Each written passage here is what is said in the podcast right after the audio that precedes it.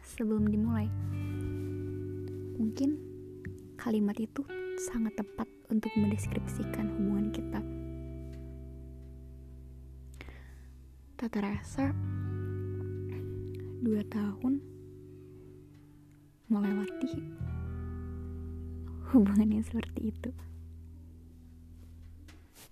Awalnya sih gara-gara ngerasa gabut dan bosan aja.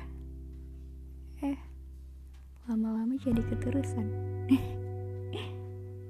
Tapi akhirnya juga kok saya sakit ini ya.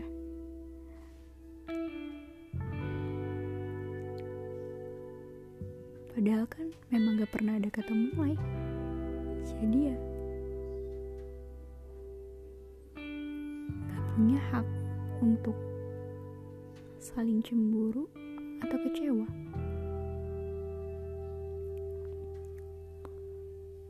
Hmm, untuk kamu aku cuma mau bilang terima kasih ya. Udah mau buat kisah yang mungkin gak akan aku lupain deh. Thank you.